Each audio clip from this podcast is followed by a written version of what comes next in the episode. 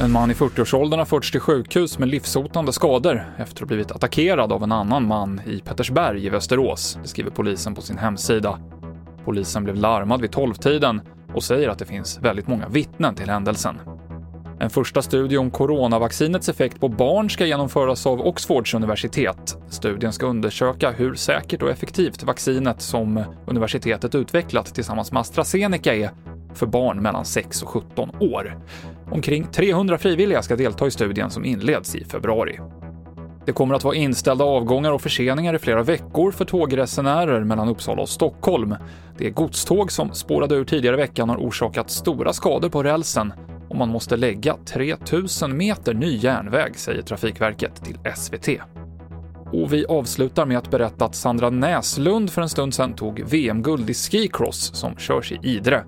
Det är andra VM-guldet för Sandra Näslund som är ett stort hopp inför OS nästa år. Erik Moberg tog brons i herrtävlingen. TV4-nyheterna med Mikael Klintevall.